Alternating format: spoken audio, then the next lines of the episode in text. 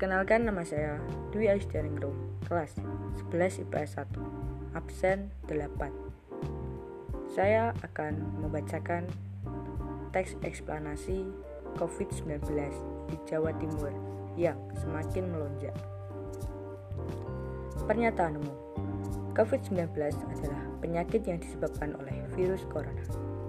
Virus tersebut dapat menyebar dengan cepat melalui cairan yang dikeluarkan oleh pengidapnya, baik lendir dari hidung maupun ludah dari mulut.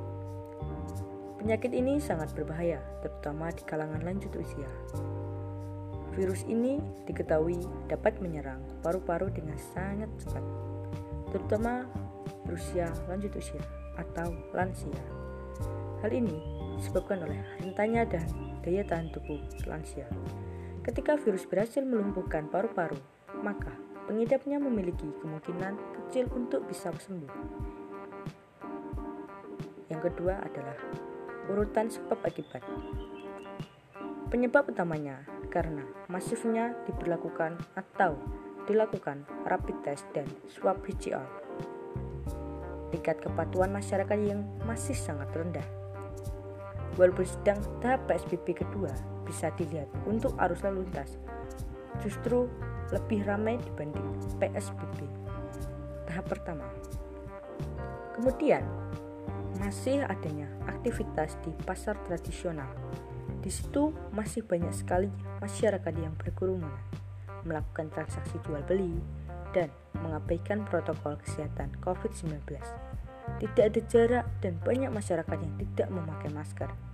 Bahkan hanya ada satu tempat cuci tangan saja. Memprihatinkan bukan? Ya. Inilah hal-hal utama yang membuat mengapa angka COVID-19 di Jawa Timur melonjak tajam. Yang terakhir adalah interpretasi. Pertama, memastikan pelaksanaan rapid test dan juga swab PCR bagi orang-orang yang hasilnya menunjukkan reaktif ketika dilakukan rapid test.